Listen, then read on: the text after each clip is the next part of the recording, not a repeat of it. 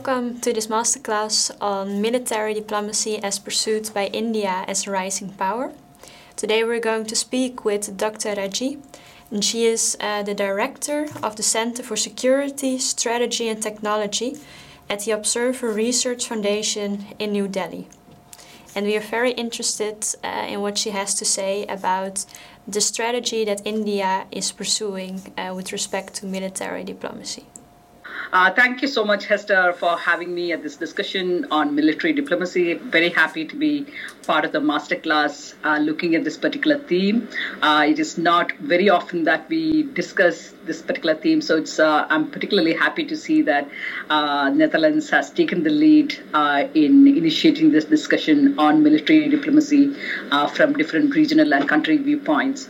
my name is Raji Rajgopalan. I have a long name, Rajeshwari Pillai Gopalan, uh, but we'll keep it short and sweet. Uh, it's Raji, and I'm the director of the Center for Security, Strategy and Technology, CSST, at the Observer Research Foundation.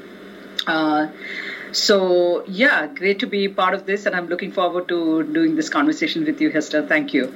So, according to your personal expertise, what do you think is military diplomacy? So, if I were to look at the uh, military diplomacy as a concept in very broad terms, uh, it is military diplomacy is one of the tools that is available to a particular country uh, in the conduct of its diplomacy. Uh, in a sense, it is an effort to enhance our partnerships and relationships through direct military to military exchanges and interactions. Um, so, a key aspect of military diplomacy is that it is conducted by men and women in uniform or civilian defense ministries.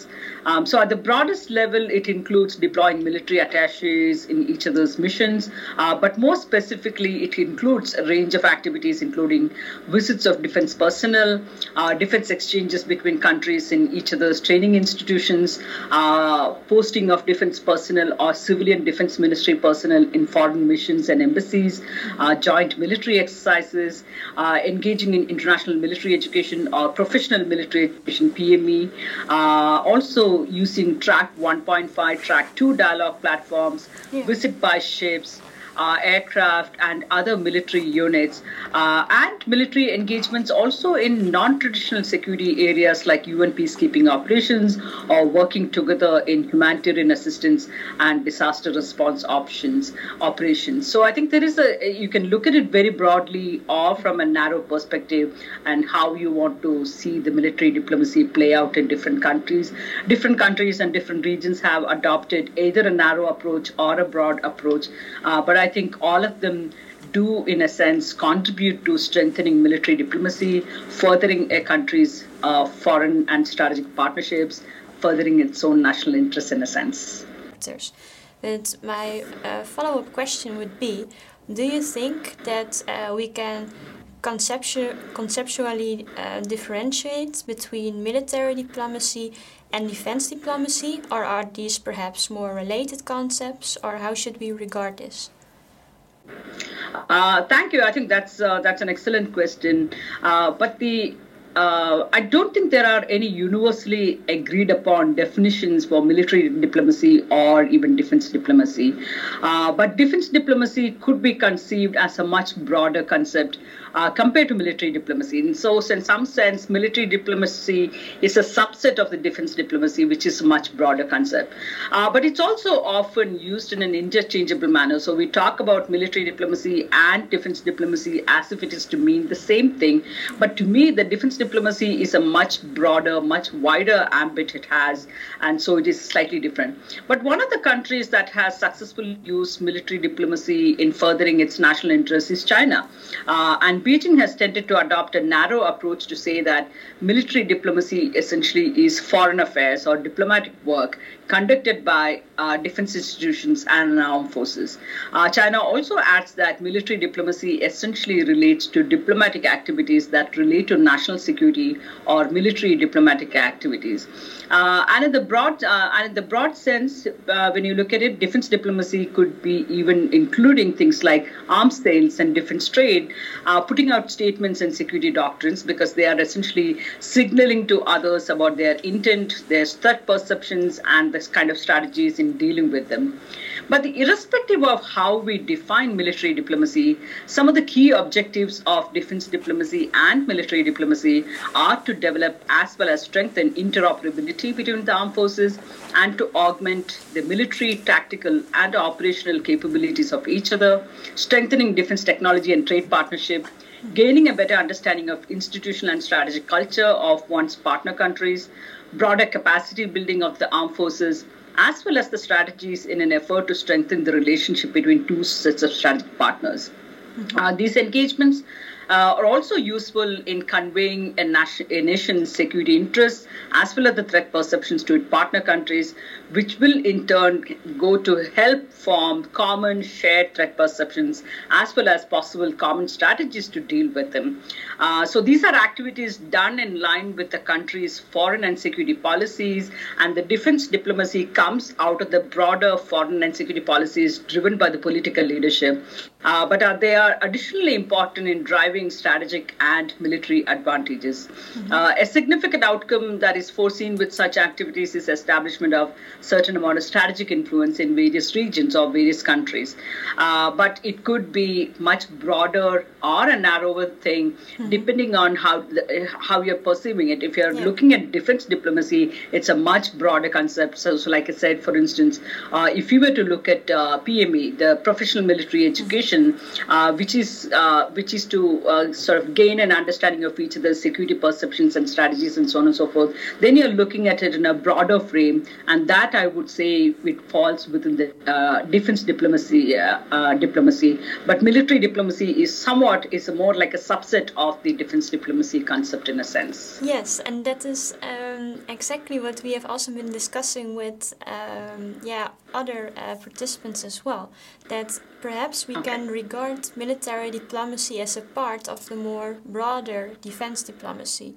And one of the different, the potential differences that we discussed was that in terms of actors, we could differentiate between the uniformed per personnel that would then engage in uh, military diplomacy, and then the uniformed exactly. personnel and the civilian personnel that would then engage more in defense diplomacy. And what do you think? That's of, right. Of this, what do you think of this? Absolutely, absolutely. That understanding is entirely correct because I think the military diplomacy is typically done by men and women in uniform. So it's uniform personnel who go on to conduct military diplomacy because they also are to do with specific military activities, joint military exercises or training missions and so on and so forth. Mm-hmm. But uh, when it comes to broader issues like PME, uh, PME or uh, sort of a defense sales, uh, arms sales, yeah. defense trade and technology initiatives and such kind of proposals, they are um, mostly led by civilian defense uh, ministries and kind of things. So that's a primary difference uh, between the defense diplomacy and defense diplomacy is a much larger it has a larger set of goal but yeah. the military diplomacy has in in some sense a narrower objective and it's conducted by uh, uh, mostly uh, almost always um, uh, men and women in uniform in a sense Yes, indeed. And then an, another um, difference that we have uh, discussed was that um, one of the other contributors mentioned that perhaps defense diplomacy can also be regarded a little bit more outward looking because it also involves a lot of um, high stake or high level stakeholders from other states and that military hmm. diplomacy can perhaps be more inward looking because it are it, it is more focused on contacts between military to military uh, exchanges. But do you think that um, yeah this is a, um, a good way of regarding this, or do you have a different view on this? Yeah, it is. Uh, I can uh, partly agree with that, uh, with that uh, understanding and uh, interpretation of military diplomacy and defense diplomacy. Mm-hmm. Um, so you can say that uh, it's uh, defense diplomacy. Yeah, like I said, defense diplomacy is a much broader one, yeah. and uh, it's outward looking. Yes, sure, uh, mm-hmm. it is, but uh, I'm not sure military diplomacy or military to military interactions are exactly uh, inward looking in a yeah. sense. Uh, they might be, they might have their limitations in terms of how they, uh, how who they work with, and it's mm-hmm. uh, it's between two sets of militaries, armed forces in a sense. Mm-hmm. But at the same time, they also have a fairly large agenda in terms of what they can engage in, whether it is uh, peacekeeping operations that they want to training, uh, do a training on, or is it humanitarian assistance and disaster response missions they want to training on, or they engage. for instance uh, uh, one of the in the Asia Pacific. When I look at it, uh, one of the first um, first instances where some of the major militaries came together in recent times was the 2004 tsunami. Indian Navy was one of the first to respond, but very soon the U.S. military and Australia and Japan and others came in in a sense. So in a sense that's again uh, military to military uh, sort of a uh, engagement, mm-hmm. but it also had a fairly broad agenda. So in a sense, I wouldn't say that they are inward looking, mm-hmm. Uh, but at the same time, they have a fairly smaller or limited mandate as compared to defense diplomacy, which is a much broader framework in a sense. So yeah, I agree and partly disagree in a sense. Yes. Okay. Well, thank you very much. And then, um, if we would um, uh, go forward and move on to um, the topic of conflict prevention. Um, do you think that uh, military diplomacy could be used as a tool to prevent conflict? And if so, how should we regard this as a tool for conflict prevention in practice? And what do you think about that? Yeah, um, so again, uh, that's an important question to look at uh, given how, when military to military engagements happen, uh, what really goes on in a sense. Does it really accentuate or aggravate some of the tensions in, the, in a certain region, or does it really minimize, or what are the kind of potential and how does it impact on uh, conflict prevention as a concept in a sense? I think military diplomacy could have an effect in terms of uh, preventing conflict, uh, but these are engagements with the closest of strategic partners by and large. Uh, and it's also a messaging tool in sending a strategic message about the seriousness of a certain uh, partnership, in a sense. Uh, for instance, if we were to look at the growing US uh, India military and security partnership, it's a case in point. So, at one level, US and India, uh, the two militaries are engaged for uh, um, strengthening greater interoperability um, so that they can cooperate efficiently, effectively in, in a contingency situation, like for instance the uh, the tsunami 2004, when when the two militaries, because they have been working together in growing uh, in joint military exercises for more than a decade by then, so they were able to come together. Uh, and deal with the situation, the tsunami situation, in an effective fashion because they were used to each other. Certain amount of interoperability that already existed in a sense. Uh, similarly, uh, the U.S.-India Japan trilateral partnership. Uh, that has been the case since 2015. Uh, Japan has become a regular partner uh, in the US India Malabar naval exercise. Again, an important indicator of the growing strategic convergence among three powers. So, in a sense, there are um, uh, military diplomacy also happens in its sort of uh, not just in the bilateral framework, but there are also and trilateral and other minilateral kind of formats that are beginning.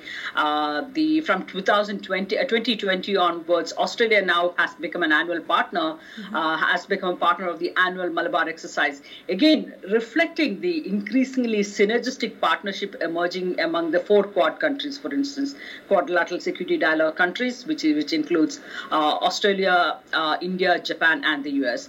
And the purpose of all of these engagements is to, in a sense, the growing growing number of security dialogues, military exercises. They are all to gain better understanding and, of each other and strengthening collaboration mm-hmm. to deal with a number of different set of issues, whether it is maritime security, um, anti-piracy operations, or HADR operations, and so on and so forth.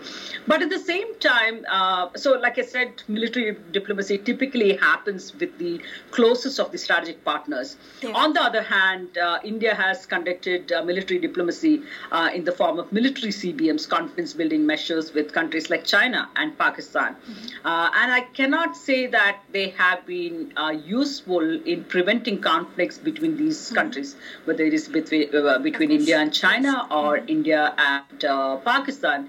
Uh, there have been any number of conflicts, border standoffs that have happened despite the existence of military CBMs, confidence building measures, uh, good agreements, solid agreements, but at the mm-hmm. same time, they have not been able to prevent a conflict between India and China. No. And even in the most recent times, in 2017, the Doklam, there was a ma- major border standoff that happened between India and China on the Tri-Junction area close to uh, in Bhutan. Uh, mm-hmm. Similarly, last year, India and China again has, has had a major conflict in Galwan conflict mm-hmm. uh, in Ladakh, um, uh, sort of again uh, breaking several uh, sort of records, so to say. They have casualties on in both the both the Indian and Chinese side, and so in a sense military diplomacy and uh, or defense diplomacy can ha- have impact on preventing conflict mm-hmm. where there are no deep-seated political disputes and yes. kind of things mm-hmm. so while growing military diplomacy can also produce deterrence at some level mm-hmm. it could also be heightening the tensions among some key powers yes. uh, and india has now of course picked up uh, stepped up its military partnership with a number of countries in order to kind of create both political and military deterrence um, a, against other countries and so on and so forth. So the conflict prevention is one aspect. It has worked in some cases, but in a, in in a few cases where there is a baggage of history or political baggage or there are the there are issues in terms of unresolved border and territorial sovereignty related issues. Uh, these military diplomacy uh, really does not play out so well no. uh, in terms of preventing an armed conflict in a sense. Mm-hmm. Yes. yes. and I can um, understand that it is not um, like a recipe for conflict prevention um, when it stands yes. alone. But um, yeah, it could perhaps yeah. be part of a wider strategy in order to be able to uh, build perhaps trust or to contribute to trust building between parties yeah. that have only more or less contact with each other because um, where the uniform, yeah, we um, discussed this as well with some other contributors. The uniform can open doors for uh, people that remain yeah. closed for people that are not uh, wearing a uniform. So we are also looking into yeah. how this then could contribute to potential trust building. But as you mentioned as well, yeah. it could also um, go towards the other way, and it could even be a strategy for deterrence, for example. So that is also yeah, something yeah. that we should be very much aware of. Yeah, it's, uh, in fact, uh, India and China also have held uh, joint military exercises hand yeah. in hand counterterrorism exercise and so on and so forth. But again, uh, they were not as sophisticated as some of the uh, other exercises that India is uh, uh is conducting with other countries like mm-hmm. France or Japan or the US and so on and so forth. They were much more, in some sense, one can say it's superficial. Yeah. But the fact is that I think both countries did make some effort at some mm-hmm. some stage uh, to show that they were making progress in their relations, and therefore a whole range of activities, uh, counter counterterrorism exercises and annual dialogues and various formats were followed. Uh, but they have not been entirely useful in preventing conflicts. And of no. course, like you said, it's not a perfect recipe for no. uh, conflict prevention, and that's not necessarily, uh, yeah, it does open up some opportunities. Mm-hmm. Similarly, I think there are also limitations uh, when it comes to countries uh, you where with political or historical baggages, for instance. Mm-hmm. Uh, therefore, the, um, one of the things that India has been doing, for instance, is inviting military personnel from other countries to mm-hmm. come and attend defense training training courses yeah. uh, in the Indian Defense Establishment, whether it is National Defense College or higher defense management courses and so on and so forth. And countries from across the world have been part of it, uh, including the most advanced uh, countries like the US and many European countries and many from other regions as well but China has not been uh, is not part of those uh, these exchanges in a sense. Um, mm-hmm. uh, China has not been invited to send their defense personnel into the Indian military institution. So okay. you know, so there are countries that have. Uh, these kind of uh, very heavy political and historical baggage. Yeah. I think it's very difficult to pursue military diplomacy with uh, those countries. Yes. Yeah. if we could now perhaps continue to some more specific uh, questions on um, the article that you wrote on the military diplomacy as pursued by uh, India. Because mm-hmm. um, following your work on um, India's strategy on military diplomacy, you indicated that yeah. India is uh, lagging behind in its strategy to pursue military diplomacy. And would it be possible for you to explain um, why this is the case and perhaps why this could be problematic by maybe using an example? Sure. Uh, no, absolutely. I wrote about this, I think, quite a few years ago, this particular article, uh, because, uh, yeah, India did uh, traditionally lag behind mm-hmm. Uh, in making effective use of military diplomacy in its overall diplomacy toolkit. Uh, India did not attach much value to regional or larger military engagements and preferred a bilateral route, and that too more of a traditional diplomacy than one that involved military in any, in a significant manner. Uh, and traditionally, I think we were also careful about military to military engagements, including with the Soviet Union. Uh, India was very, very uh, extremely uh, close to the Soviet Union, but even with the Soviet Union, uh, India was very careful not to enter into any sort of military to military engagements. Uh, possible concern was that uh, India's non-aligned position, at least during the Cold War years, um, that could be weakened, and we might India might get pulled into uh, the fights of the big powers and so on and so forth. So those were uh, primary concerns that were driving India's approach as to why uh, we did not put out the our military uh, in a in a front foot in a sense. But there is another another important reason, which is in a sense the uh, trying to place the role of the military in the overall sense of uh, uh, Indian diplomacy, in a sense, or overall the civil military relations. That's also another issue as to why you have not seen the military play a big role. Military was never given a prominent role, uh, it's always been given a narrower rule.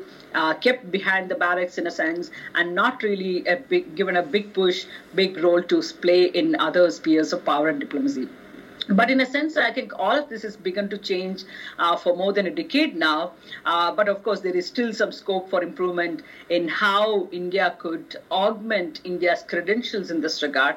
Uh, India is, of course, today a lot more comfortable uh, in moving beyond the traditional pure bilateral military engagements uh, to actively engage in minilateral and multilateral efforts, especially in the Indo Pacific.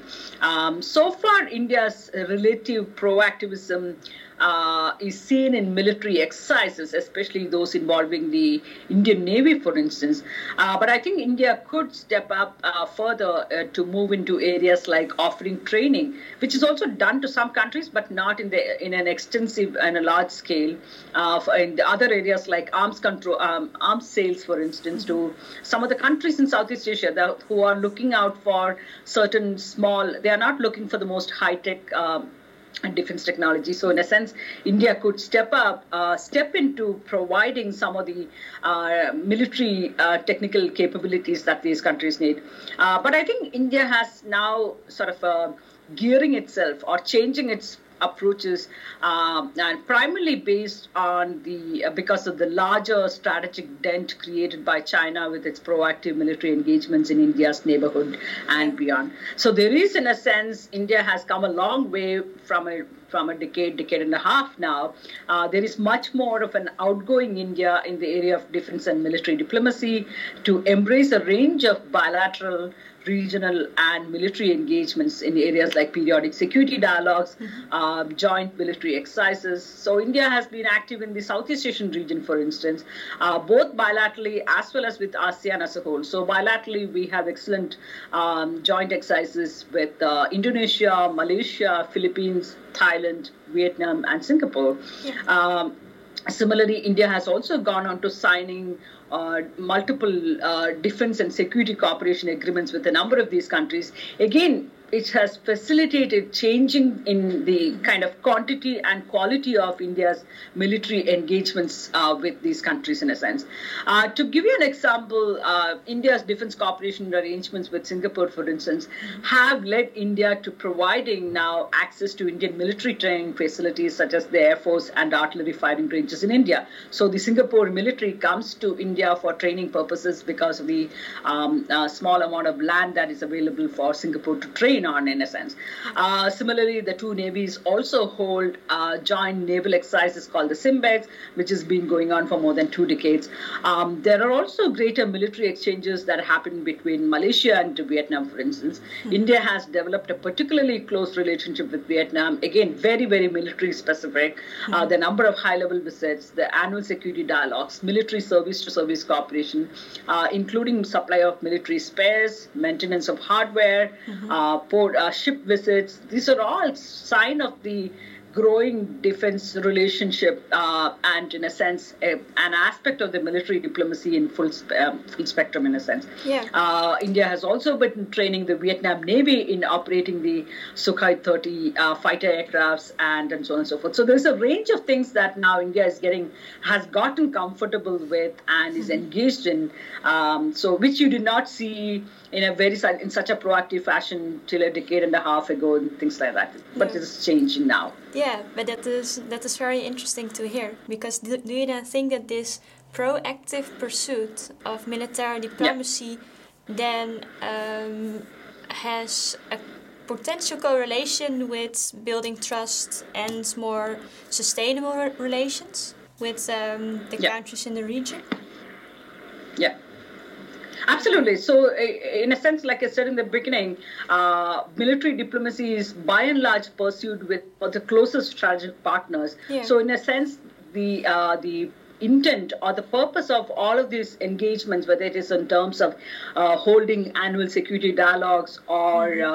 uh, uh, military to military engagements, in terms of even even when they are in, engaged in a bilateral exercise, they also have a two day or three days of uh, discussion, uh, purely discussion among the military officials in a sense. So all of this is intended to create better understanding of each other, yeah. creating um, sort of a greater understanding of the institutional and social culture cultural ethos of each other, of your partner country in a sense, how you work on certain things, uh, and of course, uh, uh, uh cre- to create a better understanding in terms of the threat perceptions mm-hmm. that are shaping our common approach, to develop a common approach to dealing with uh, threats and challenges in various regions, whether it is maritime security or something else, and so on and so forth. So there's a range of things, and but at the end of it, at the at the root of it, is the fact that you have greater trust in each other. Without yeah. the trust and confidence in each other, it is very difficult to pull off meaningful military diplomacy between partner countries mm-hmm. uh, because uh, without because you are sharing uh, uh, uh your uh, core ideas about how you perceive certain developments in a region, uh, how you see the threats emanating from those developments, how you want to deal with them, your strategies, your tactics, and so on and so forth. So, in a sense, it's a very sensitive um, set of information and kind of thing. So, without that close close strategic partnership between two partners between two uh, two sets of countries without that trust and confidence uh, it is very difficult to like i said uh, mm-hmm. india china exercises have been like i said superficial in yeah. many ways when you look at it uh, it's so qualitatively different from the kind of engagements that india has had with uh, countries in uh, countries like the us or japan now mm-hmm. australia or some of the france mm-hmm. again has remained one of the closest um, long-term partners and with whom we have a range of engagements on the military side of things. So in a sense, trust and confidence in each other mm-hmm. are essential components for military diplomacy to be effective in a sense.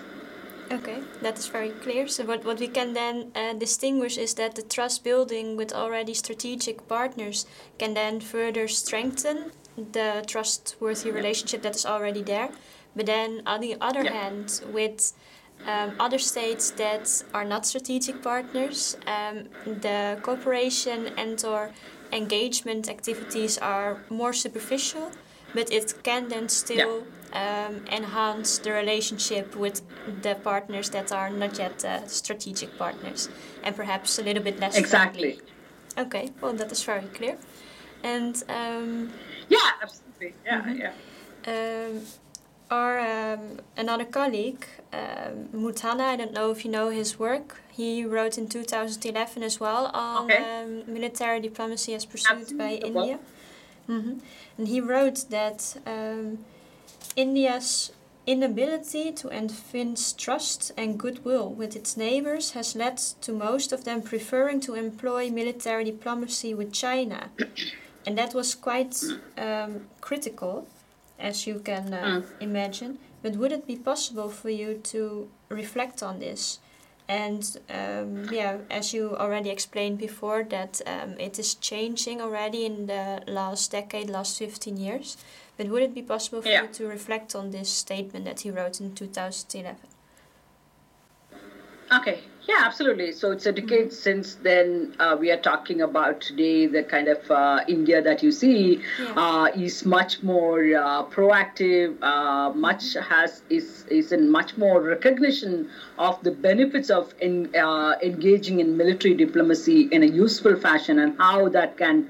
Uh, further India's interest, whether it is India, India's backyard, India's neighborhood, or beyond, in a sense. So definitely, India has uh, come a long way, even from a decade ago, in a sense, to play a role that is in line with its rising power status, Yeah. rising power aspiration, but also because of the changing strategic dynamic, especially in the Indo-Pacific. So over the last 10 years, uh, India has expanded its military and defense engagements across different geographies, with a special emphasis, like I said, in the on the Indo-Pacific. Uh, but we do with other other partner countries as well, with whom we share. Uh, there is a um, the- there's a common um, shared understanding of threats and challenges and so on and so forth. Uh, for instance, partners in the Middle East, uh, Oman. Uh, United Arab Emirates, the UAE, uh, or Saudi Arabia and Bahrain. Uh, these are other countries than the uh, traditionally um, uh, in India's focus countries, which is mostly on the Indo-Pacific. But we have partnered now with other countries as well. But to respond specifically to your question, I think, uh, like I said, India has become more mindful and conscious of what we need to do in our neighborhood uh, to secure our strategic interests. And uh, accordingly, India, I would say, has stepped up its act. Uh, but there are a few challenges. Uh, one has to do with the fact that there are capacity issues. Uh, so India's capacity issues when it comes to arms sales and defense trade, uh, which are also important indicators of growing uh, defense diplomacy in a sense. Uh, but we are trying to strengthen the maritime capacities of some of the Indian Ocean neighbors, uh, like the Maldives or the Seychelles or Mauritius.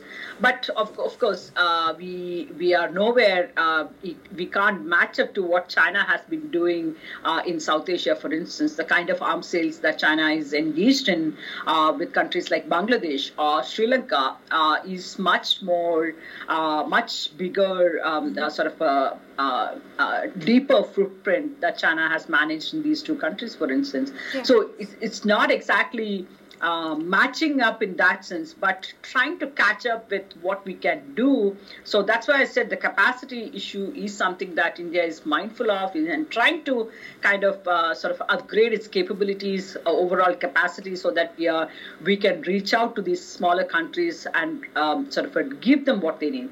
Yeah. The second issue is about the regional dynamics, and I think that's an im- more important aspect when it comes to uh, the whole India-China dynamics in the in the neighborhood.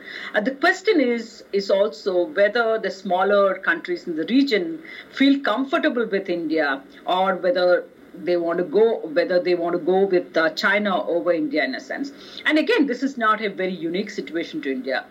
Uh, like in most other regions, uh, if you have a large na- a large country like the size of India or China, your neighbors are always going to look to balance you. Uh, they will always look to other countries to balance your uh, overall power and kind of your ability to exercise influence. Um, so, in a sense, um, so the smaller neighbors would like to balance the big brother in the region through an external power. Uh, so, just as we have excellent relations with uh, Vietnam, for instance, China, China's neighborhood. Uh, but China similarly is now making a, is, has of course made a big push in the South South Asian neighborhood. So in, in a sense, I don't see it as something very unusual and very unique to India in a sense. Uh, of course, we have not been we have capacity issues and kind of thing, but it's also the regional security dynamics in a sense that, that the smaller countries would feel threatened by a big geographical power like India. A, a big power in terms of the economic power, the military power. The size itself is much larger, so they're always going to feel threatened. Uh, whether India's policies contribute to it or not, they are always going to feel threatened by India. So they will always look out for external partners to balance India. So it's not something very, um, very unique in a sense. But I think, nevertheless, I think uh, uh, India has begun to understand the game that India has to up, upping uh, has to up the game. Uh, but I think uh, when it comes to overall other aspects of military diplomacy, uh, I would say that India has uh, remained fairly active in seeking South Asian countries. Uh, for instance, the uh, PME, the professional military education, has remained an important area which has seen fair amount of participation from all of its neighboring countries over the decade, except for Pakistan. So uh, if you go into a National Defense College thing uh, course, for instance, I go there for lectures fairly often, and I do see countries, um, officers from Sri Lanka, Nepal, Bangladesh, Afghanistan, and so on and so forth. So all of its neighborhood, when it comes to areas like professional military education uh, and so on and so forth, I think uh, India has been fairly active. Uh, India's active uh, um, active military diplomacy in South Asia is also seen in terms of the military exercises that it does with the uh, neighboring countries. Uh, and these days, uh, in the last 10, uh, 10 years or so, mm-hmm. it's been as uh, sort of a, in an increase in the number um, that there is in India, Bangladesh military exercises, India, yeah. Nepal, India, Myanmar, and even with BIMSTEC, India has been having an ex- thing. Mm-hmm. Uh, to give you another example, India, Sri Lanka, Maldives trilateral maritime exercise. Yeah and the latest um, iteration was held in uh, May this year, mm-hmm. uh, done, of course, in virtually because of the pandemic. Uh, but the fact is that India has been engaged in these kind of exercises. So, one area where India is kind of lagging when it comes to South Asia and military diplomacy is in terms of our ability to provide these countries with arms and uh, engage in defense uh, trade and so on and so forth. Yeah. But in other areas such as PME, training, or military exercises, uh, India has done not too bad with the South Asian neighborhood also, in a sense. Okay, that is very clear. And do you then, um, when looking into the future, do you think that then the military diplomatic activities as pursued by India are going to intensify further, or what would you um, expect? Um, so looking ahead, I would say that India is likely to get even more active in pursuing uh, defense diplomacy, which is a broader concept, uh, but also with uh, also military diplomacy with its strategic partners and much less likely with countries like China, uh, in a sense. Okay. Uh, the because I think one has to also keep in mind the strategic consequence, the, the, the overall changing balance of power. Um, and the fact that India and China uh, have still not resolved the last year's border crisis, and so on and so forth, uh, is going to push India into embracing strategic partners with whom there is so much of trust and uh, confidence in a sense. Mm-hmm. So, in a sense, India can be expected to um, consolidate further military partnerships through a varieties of activities uh, that will essentially uh, secure India's national interests, maximize India's opportunities, and minimize gaps and vulnerabilities in the evolving strategic dynamics. Um, so, you can expect India to step up its military and security partnership with groups like uh, uh, with in, like-minded partners, individual countries, both within the region and outside. Uh, but you can also expect Quad uh, or Quad plus engagement, as well as other uh, minilaterals to come about in the region and beyond, uh, which will become a big part of the India's military diplomacy going into the future. Uh, I also see uh, Europe possibly becoming uh, a big part of the Indian diplomacy, military, uh, diplomatic and mil- uh, military efforts in a sense. Yeah. Uh, with uh, Europe becoming quite active on the Indo-Pacific front, the number of countries outlining their own independent uh, Indo-Pacific strategies and so on and so forth. So there is an European interest uh, in looking at uh, in the Indo-Pacific region uh, with a fresh perspective.